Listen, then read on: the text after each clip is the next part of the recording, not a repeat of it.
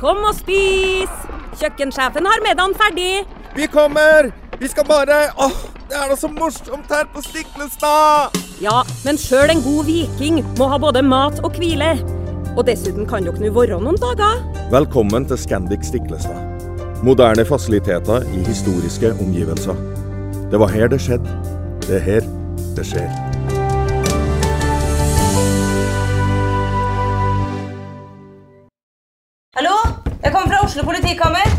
Ine Jansen er purk. Er du purk? The motherfucking bitch. Alt jeg vil, er å finne ut hva som skjedde med mannen min. Jon Carew. Er jeg sikta for noe? Iben Akeli. Det er du.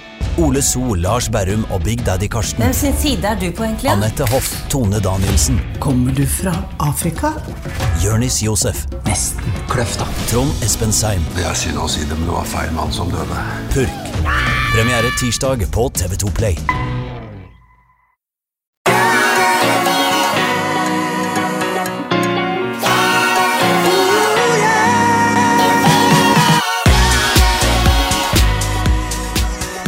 Ole Petter, det er eh, Du har jo vært en del i media i dag. Eh, Jeg var i media for en ukes tid siden, jeg også, fordi at jeg ble spurt om en eh, seksåring som hadde løpt maraton.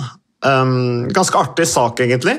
Jeg var jo ikke helt sånn forberedt på spørsmålet, det kom litt sånn ut av det blå. Jeg var på vei fra, fra noe til noe annet, og tenkte ikke akkurat på på eh, problemstillinga eller tematikken, eller hva man skal kalle det. Og så ringte da en TV 2-journalist eh, meg og spurte om dette her, om jeg hadde sett dette, denne seksåringen da, som hadde løpt eh, maraton i eh, USA, um, og spurte meg om kommentarer på det.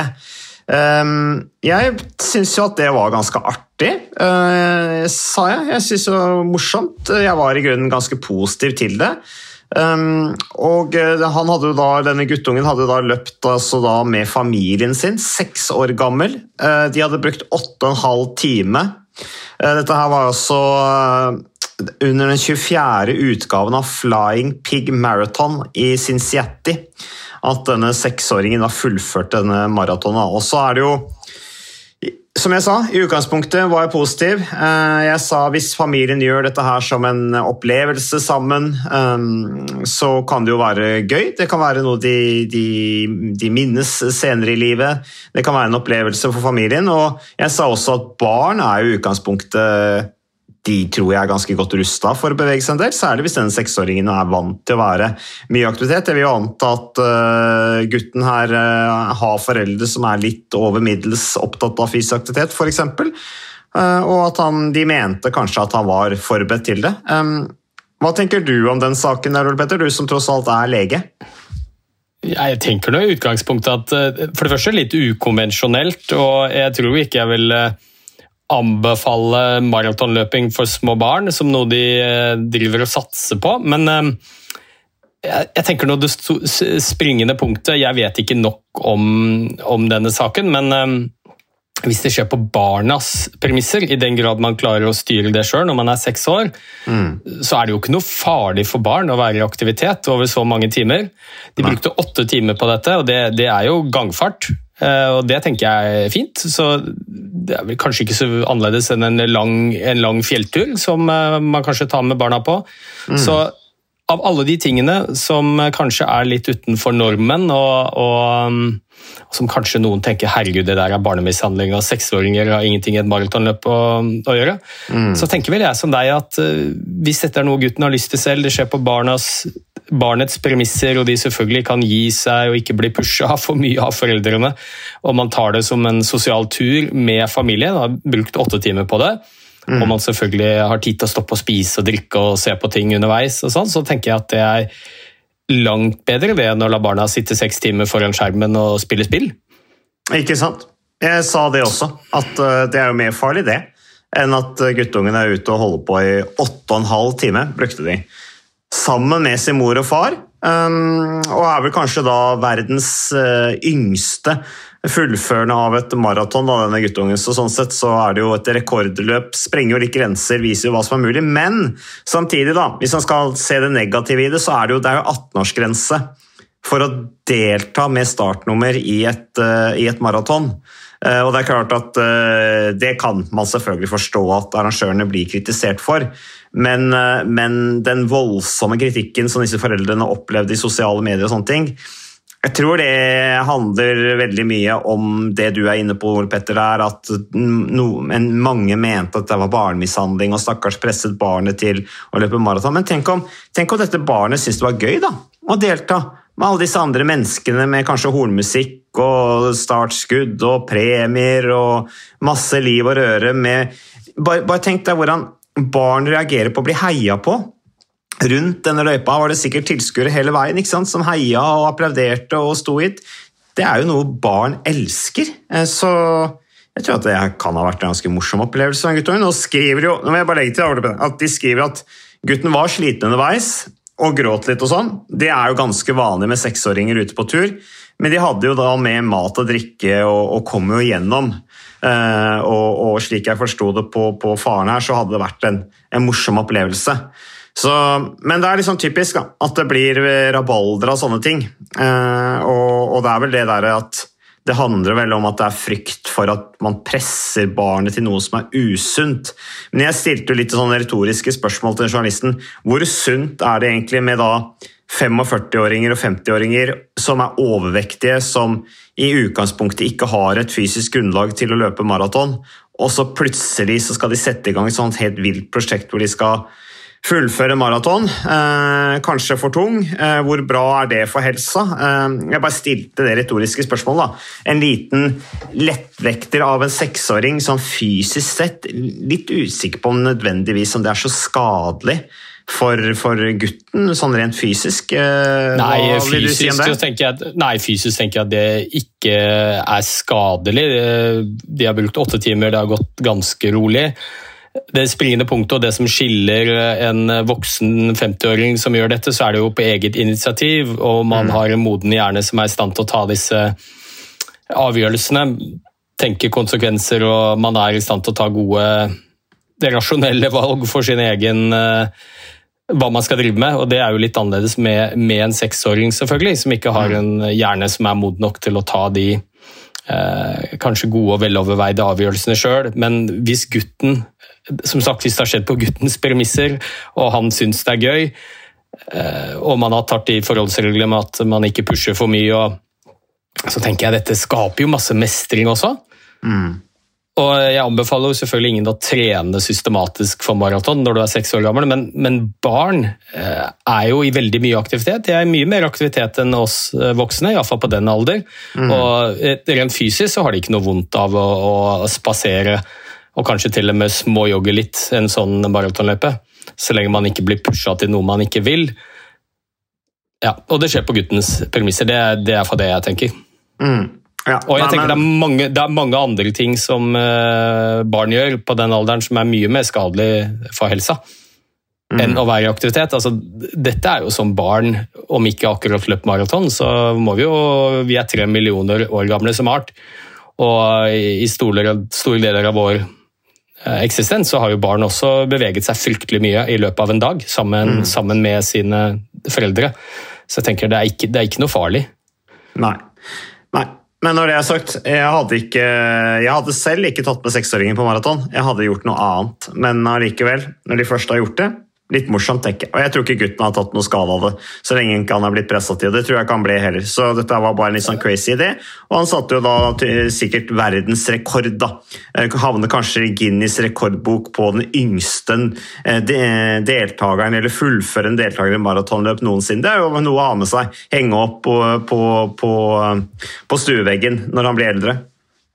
Nei, Jeg hadde jo heller ikke fått med min seksåring på dette, og ikke, ikke, hadde jeg prøvd heller. Så jeg tenker jo, jeg syns ikke dette er noe vi skal anbefale for uh, foreldre som har seksåringer generelt.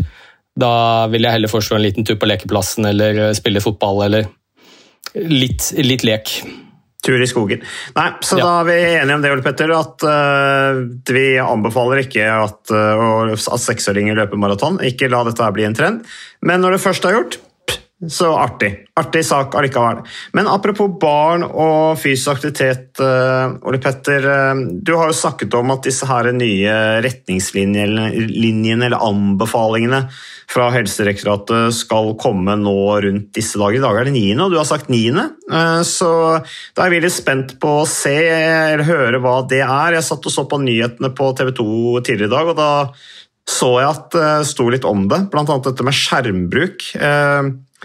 Hva kan du si om dagen din i dag? Jeg har skjønt at den har vært ganske hektisk når det kommer til det punktet der. Ja, De ble jo lansert, da, disse um, nye anbefalingene for fysisk aktivitet for befolkningen, som vi gjør regelmessig. og um, Helsedirektoratet har jobbet i mange år med dette og ønsket å lansere dette med litt brask og bram eh, i dag. Det var et direktesendt webinar hvor eh, flere fagpersoner, meg selv inkludert, var med og snakket mm. litt om disse retningslinjene, eller anbefalingene, og eh, viktigheten av dem. Og så var det jo selvfølgelig sendt ut eh, pressemeldinger da, til de store mediene, både TV og ja, aviser osv. Og, så og det nesten alle har hengt seg opp i av mediene, det er jo dette med skjermtid. Mm. For det er første gang det er kommet inn i eh, de norske anbefalingene. Dette med å begrense skjermtid og for så vidt også stillesittende aktivitet, hvis man kan kalle det det, som jo skjermtid stort sett er da, for de aller fleste barn. Mm. Eh, og det mediene først og fremst har tatt tak i, er vel at eh, det anbefales at barn under to år ikke bruker skjerm i det hele tatt. Mm, det så jeg. Det, det, er jo sikkert noe som får seg en liten overraskelse. For jeg, har, jeg, jeg, har, jeg, vil tro at det er en del barn under to år som sitter med, med mobiltelefonen eller iPaden og, og scroller.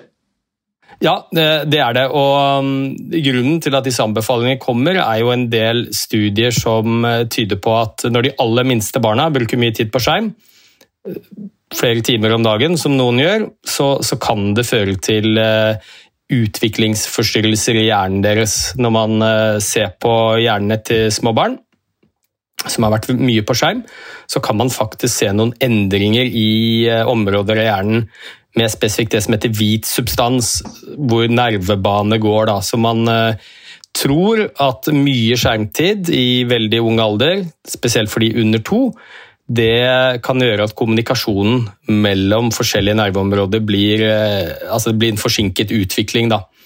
Og, mm. og, det viser seg litt senere i livet. Man har gjort noen studier på de yngste barna, som foreldrene da rapporterer at disse barna har vært uh, en del på skjerm. Og så har man tatt bilder av dem, uh, av hjernene deres, og så har man fulgt dem opp i en del år. Og kommet til en alder hvor det er naturlig at barna lærer seg å lese og skrive og snakke og så ser man da at disse barna de utvikler seg litt senere. Lærer seg å lese, skrive og snakke litt senere enn andre barn. Mm. Og, og, da er det jo selvfølgelig eh, et veldig viktig spørsmål, og det er jo hva er årsaken til dette? Og der tror vi jo ikke selvfølgelig at barn får hjerneskade av å være på skjerm. Men det handler nok mye mer om hva er det barna ikke gjør når de bruker mye tid på skjerm. Mm. Og Det er litt viktig poeng, fordi eh, hjernene til de aller minste barna, nå snakker vi om de under to år, da er hjernen inne i det vi kaller en kritisk periode. og Det er da definert som et område hvor hjernen er spesielt mottakelig for utvikling, læring.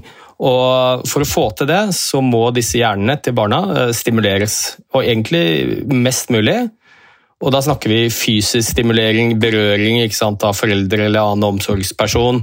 Mm. Vi snakker om følelsesmessig kontakt, og ikke minst så snakker vi om lek og bevegelse. Mm. Og det er klart Hvis to til tre timer eh, tilbringes foran en skjerm, hvor du ligger passivt på gulvet og ser på et eller annet som skjer på skjermen, så, så blir det naturlig nok mindre tid til alle disse andre viktige tingene mm. som hjernen hos de aller minste er helt kritisk avhengig av. Så, men det du da sier, Ole Petter, det er da at uh, blir, uh, de blir ikke hjerneskadet, men de henger etter da i en naturlig utvikling uh, med, med, normal stimulans, da, som nærhet, dette her at de er fysisk aktive osv. Uh, og jeg så en undersøkelse om, eh, om Romania eh, under Ceaucescu, diktatoren, eh, hvor, var, eh, hvor, han hadde disse barnehjemmene hvor alle disse barna ja, ble stuet sammen. ikke sant? Eh, og da de ansatte fikk beskjed om å ikke gi dem noe som helst oppmerksomhet, eller minst mulig oppmerksomhet, ikke noe nærhet. fordi at hvis de ga de litt, så ville de bare ha mer, og de hadde ikke kapasitet til å følge opp alle barna. Så de var helt sånn veldig strenge på det. da. Og de barna også blir jo veldig hengende etter i mental utvikling, som heldigvis kan på en måte utvikles senere, men da blir de på en måte, de blir på en måte en viss grad sånn ja, Jeg vet ikke om ordet tilbakestående er riktig, da, men de, de, mangler da funksjoner oppi, fysiske funksjoner oppi hjernen, som du var inne på, dette med det hvite belegget og disse tingene her. Det er, det er ganske interessant, men da må det på en måte læres i et senere stadie. da. Ja, og, og, det er jo litt av utfordringen at uh, du er inne i et sånn kritisk vindu tidsmessig for de yngste barna, hvor denne læringen skjer veldig mye lettere. Og det betyr jo ikke, og, og her er det viktig å si at nå snakker vi om to litt forskjellige ting. for Det er klart å bli stuet ned i en kjeller og ikke få noe menneskelig kontakt og sånn, det er jo noe helt annet. Det er jo ikke det vi snakker om her. Men um, hvis mye av tiden går til passiv skjermbruk, så er vi bekymret for at det blir mindre tid til de aktivitetene som er, viktig, uh, som er ekstremt viktige for barna hos hjerner. Mm. Og Det betyr jo ikke at de får noe permanent hjerneskade, langt ifra, men vi ser at det er en litt senere utvikling. og Det er jo bekymringsverdig nok i seg selv. Mm. Og så er det litt viktig å presisere at det kommer selvfølgelig an på hva slags type skjermaktivitet det er. Én ting er jo å legge ungen på gulvet med en, med en, skjerm, og de ligger passivt og ser på. Noe annet er jo å bruke skjermen sammen med barna og kanskje se på noe, ha læringsverktøy hvor du skal se på bokstaver eller lyder og alt mulig sånt. Det er ikke det vi snakker om, men vi snakker om passifisering av barna eh, ved bruk av skjerm sånn at det blir for lite tid til annen viktig aktivitet. Og, og, Det som er litt interessant i de studiene som er gjort, er jo at dette er faktisk veldig tett knyttet opp mot foreldres bruk av skjerm også. Mm. For vi ser jo at i de tilfellene hvor barna bruker skjerm, så gjør ofte de voksne det også. Ja. Så, så, det er jo da ja, at dette mm. istedenfor å, å være med barna, så gjør man andre ting, og så bruker man, bruker man smarttelefonen eller iPad som en barnevakt. Og, mm. men, men, jeg har jo lyst til å si en ting til òg. Man møter seg jo sjøl litt i døra. Og før man får barn, det husker jeg veldig godt selv også, så er det en ganske enkel skrivebordsøvelse å tenke at uh, når mine barn blir født, så skal vi ikke bruke telefonen eller iPaden som barnevakt. Mm. Uh, og så kommer jo den praktiske hverdagen, hvor du kanskje har flere små barn. Og, og, jeg mener ikke at foreldre skal ha dårlig samvittighet fordi barna deres, selv de yngste barna, av og til ser litt på skjerm. Nei. Hovedpoenget er å være litt klar over at dette er ting vi ikke vet nok om, og, og prøve å begrense det. Mm. Men det aller viktigste er å ikke glemme alle all de andre aktivitetene som eh, er helt kritiske for barns utvikling, altså hjernen deres. da. Ja, Det har jo noe med balanse å gjøre, ikke sant? det er jo det du ja. mener. At alt med måte, på en måte. Og, eh, og dette er med at i dagens samfunn, hvis man skal henge litt med i utviklingen Ukas annonsør det er uh, HelloFresh. Og uh, hvis du nå går inn på hellofresh.no og bruker koden 'fresh hjerne', så kan du få opptil 1779 kroner rabatt på da de fem første matkassene dine hvis du ikke har prøvd Hello Fresh enda. Og Ole Petter, vi er jo glad i Hello Fresh i podkasten Jernsterk, selvfølgelig fordi at de er en annonsør. De er med og bidrar til å spre det glade ordet om fysisk aktivitet og god helse. Men i tillegg så har jo vi også nå lang erfaring med Hello Fresh eh, selv. Så vi må jo si at det har vært gode erfaringer til nå.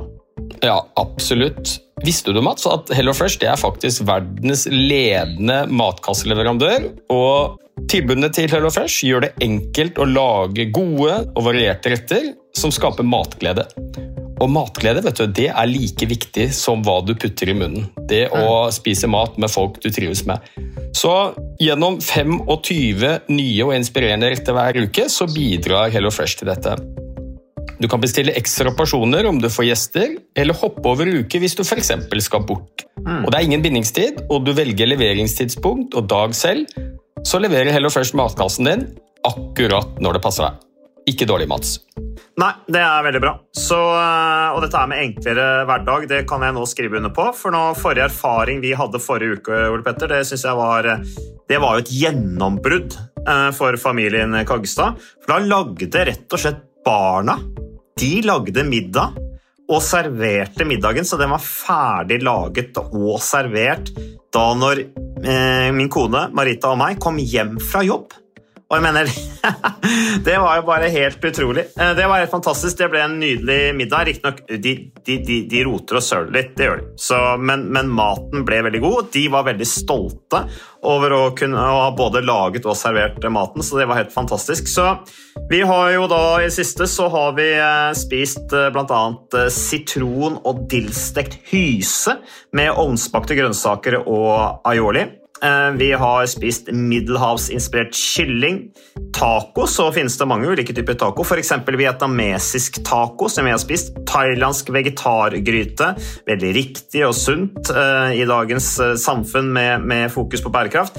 Hvitløk og chilistekte reker i spagetti, det var definitivt en vinner. Så det er så flott. Du får rimelig mat ved at du kun betaler for det du trenger, så det blir ordentlig feststemning med Hello Fresh. Det gjør det, og nå er det bare for deg å gå inn på hellofresh.no og bruk koden FRESH hjerne'. Da får du opptil 1779 kroner rabatt på de første fem matkassene dine, hvis du ikke allerede har prøvd HelloFresh. Du kan også bruke rabattkoden hvis du har stoppet abonnementet ditt for tolv måneder siden eller mer. Er det noe å lure på? Håper maten smaker godt. Bon appétit! så er det jo lurt at barna også henger litt med på hva som skjer der eh, på den skjermen. Eh, men, men eh, det er noe med alderen også, da, at de trenger kanskje ikke å få så mye av det når de er eh, under to år. Og så er det jo også litt interessant Ole Petter, det er det der at eh, at, blitt, at man har begynt å gjøre undersøkelser, at man har begynt å gjøre forskning, at man har nå resultater over litt lengre tid. For nå har vi jo vært i en tidsalder hvor det har påvirket livene våre i veldig stor grad. Denne skjermen og teknologien som har skutt så voldsom fart siden 2000-tallet. At man faktisk har sørget for å forske litt på dette her. Eh, Og dette her har er jo til en viss grad også et sånt, litt sånn eksperiment. Vi vet jo ikke helt hva dette her gjør med oss, det har vi snakket om i tidligere podkaster også. Ja, det er på mange måter et eh, gigantisk globalt eh, eksperiment. eh, som vi sa i en av de tidligere podkastene, at i dag så bruker barn og unge og voksne kanskje fire timer pluss hver dag på en aktivitet som vi ikke brukte noen tid på for ti år siden. Så dette er ganske nytt.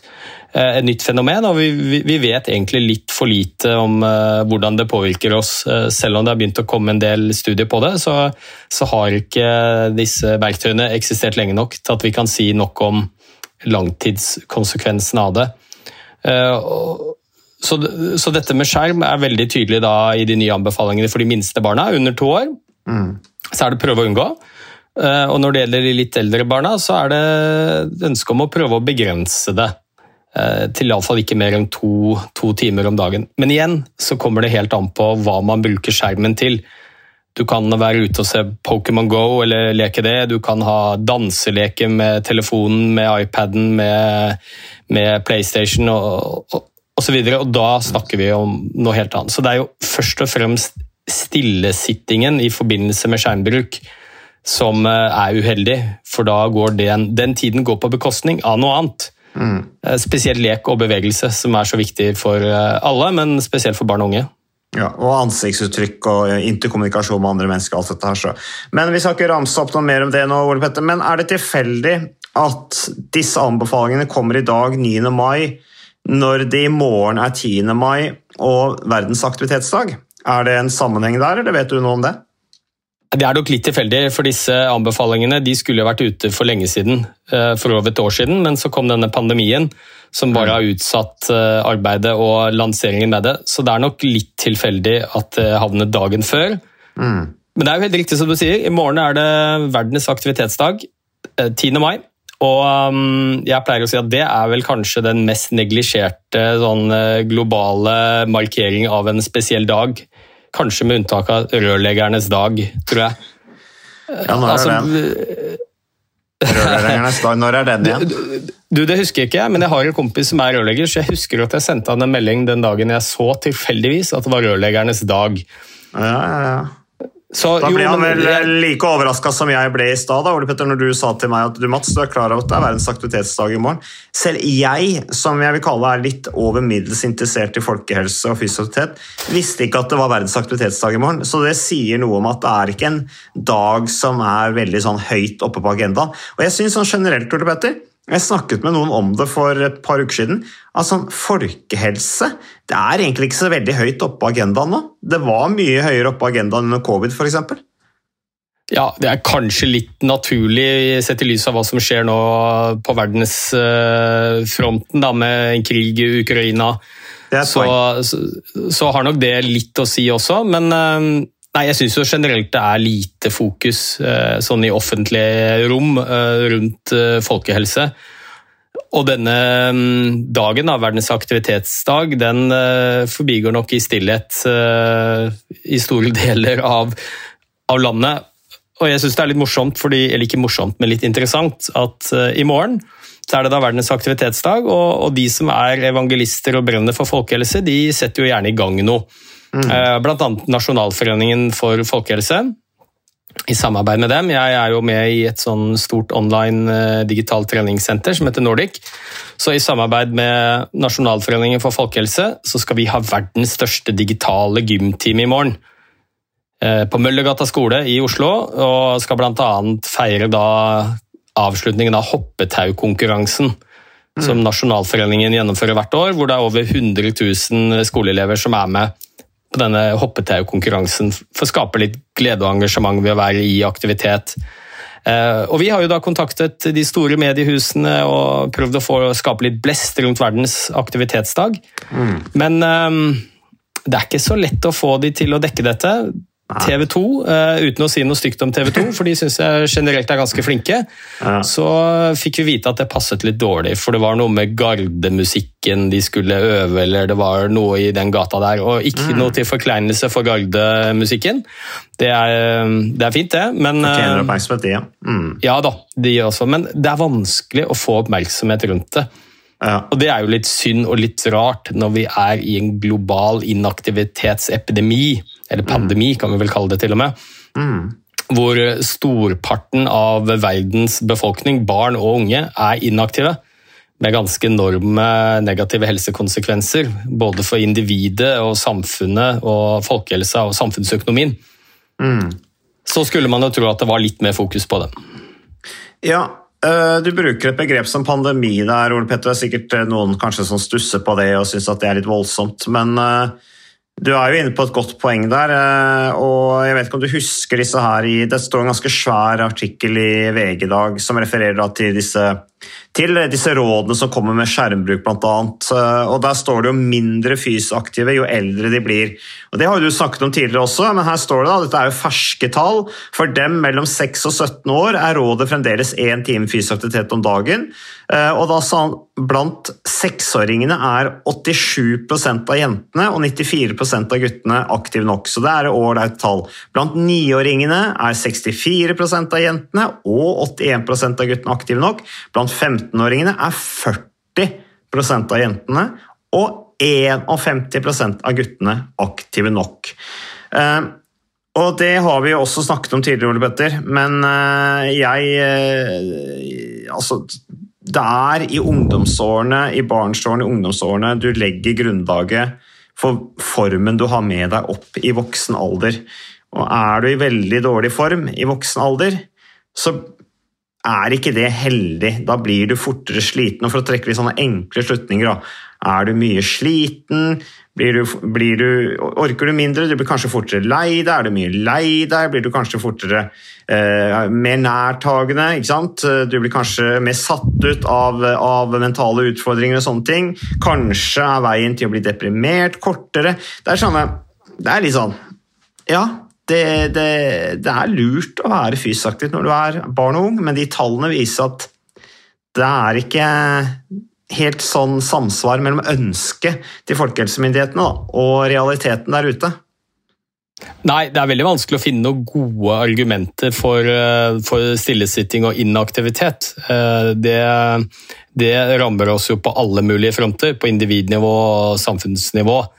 Så problemet for mange er jo da å få det til i, i praksis, og da er vi jo litt tilbake igjen til eh, samfunnet vi lever i da, ikke sant? hvor um, vi trenger ikke å bevege oss i særlig grad i hverdagen, og da, og da, gjør vi det heller ikke. Så um, det er en ganske stor og formidabel jobb man har foran seg når man skal prøve å få um, flere nordmenn i aktivitet. Og det, det var egentlig en av problemstillingene i dag i dette webinaret. Det var jo det finnes ikke nordmann som ikke vet at det er viktig å bevege seg, og det er vanskelig å finne gode argumenter for å være inaktiv. Um, men hvorfor beveger vi oss ikke mer? Og da var vi En av de tingene jeg snakket en del om, var jo at vi kanskje kan vri fokuset litt.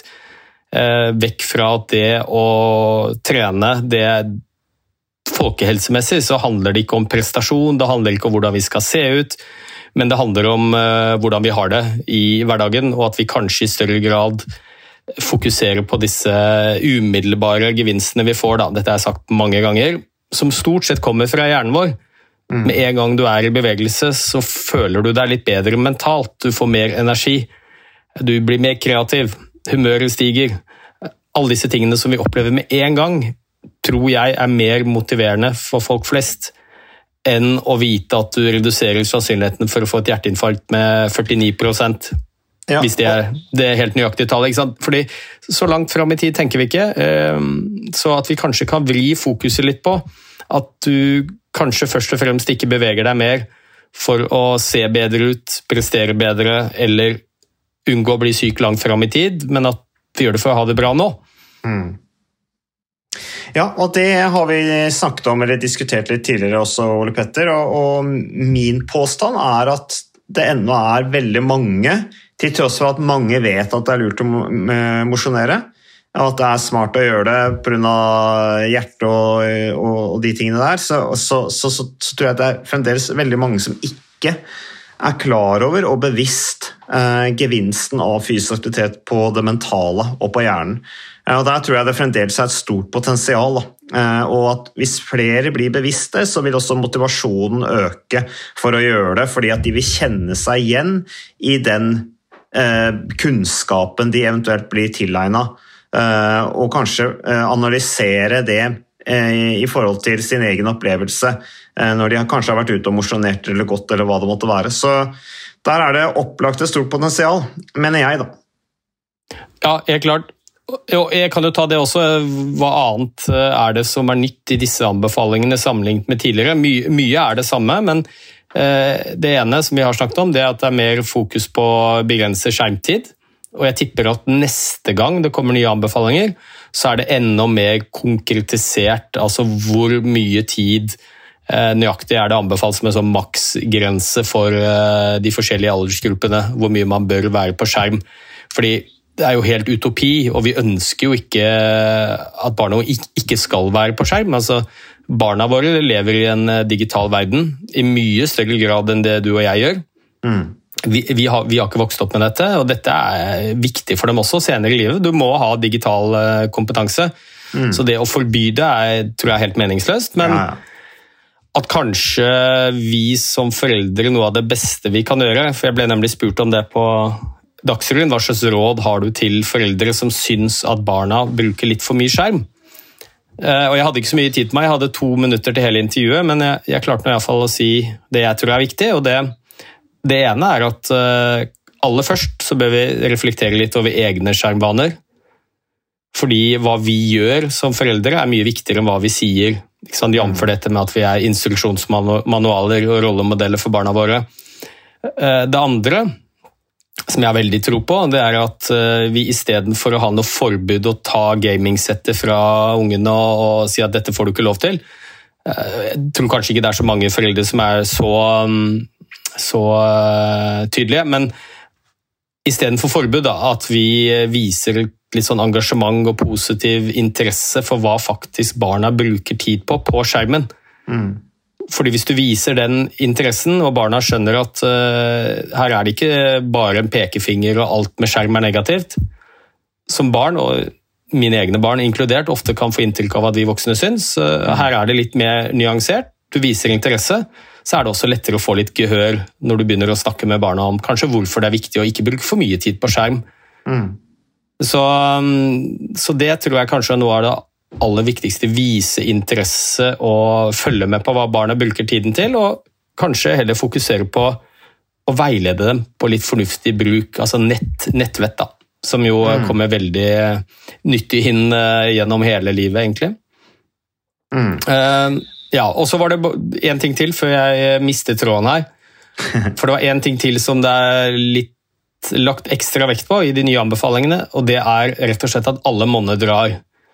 For det er nok en del som har lest disse anbefalingene tidligere og tenkt at ok, hvis barnet ikke leker en time om dagen, eller hvis voksne ikke er i aktivitet 150 minutter i uka, så har du mislykkes. Altså, da kan du like gjerne la være, for å sette det litt på spissen.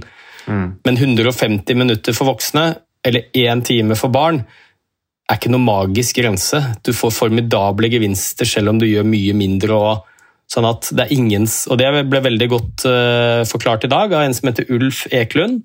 Mm. Som kanskje er den i Norge som uh, forsker mest, en av verdens fremste forskere på effekten av fysisk aktivitet. Og for så vidt inaktivitet også, hos barn og unge ja. uh, og voksne. Som sier at det er ingen som har funnet noen nedre grense for når de begynner å hjelpe. Så all bevegelse er bedre enn ingen bevegelse. Gjerne opp til det myndighetene anbefaler, men du er ikke noe dårlig mamma eller pappa eller barna dine får ikke automatisk dårlig helse hvis de gjør mindre, men det er viktig å gjøre så mye som mulig. Ja, Det er som Egil Borghild Martinsen så klokt sa det, hvis du bare kan eh, sitte, så får du trene på å stå. Hvis du bare kan ligge, så kan du trene på å sitte. det er jo litt det samme. Men, eh, men, Ole Petter, eh, det er interessant dette her. Eh, og det var jo bra at vi fikk tatt denne podkasten i dag, når dette kom ut i dag, disse anbefalingene og retningslinjene.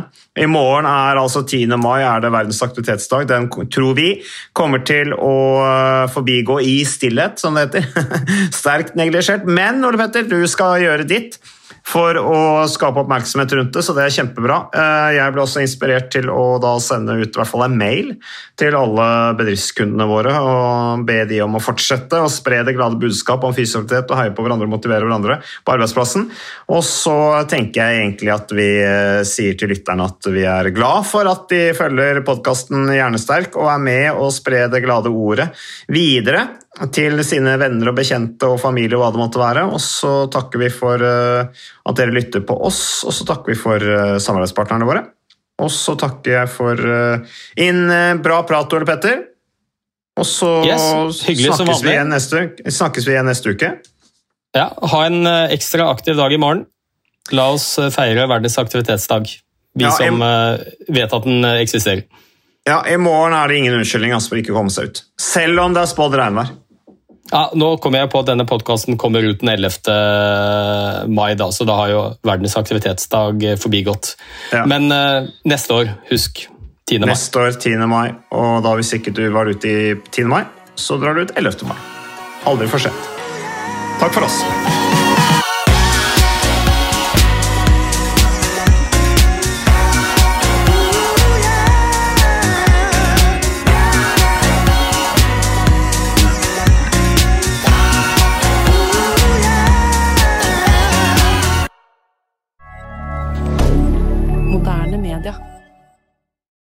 Har du et enkeltpersonforetak eller en liten bedrift? Da er du sikkert lei av å høre meg snakke om hvor enkelt det er med kvitteringer og bilag i fiken, så vi eh, gir oss her, vi. Fordi vi liker enkelt. Fiken superenkelt regnskap.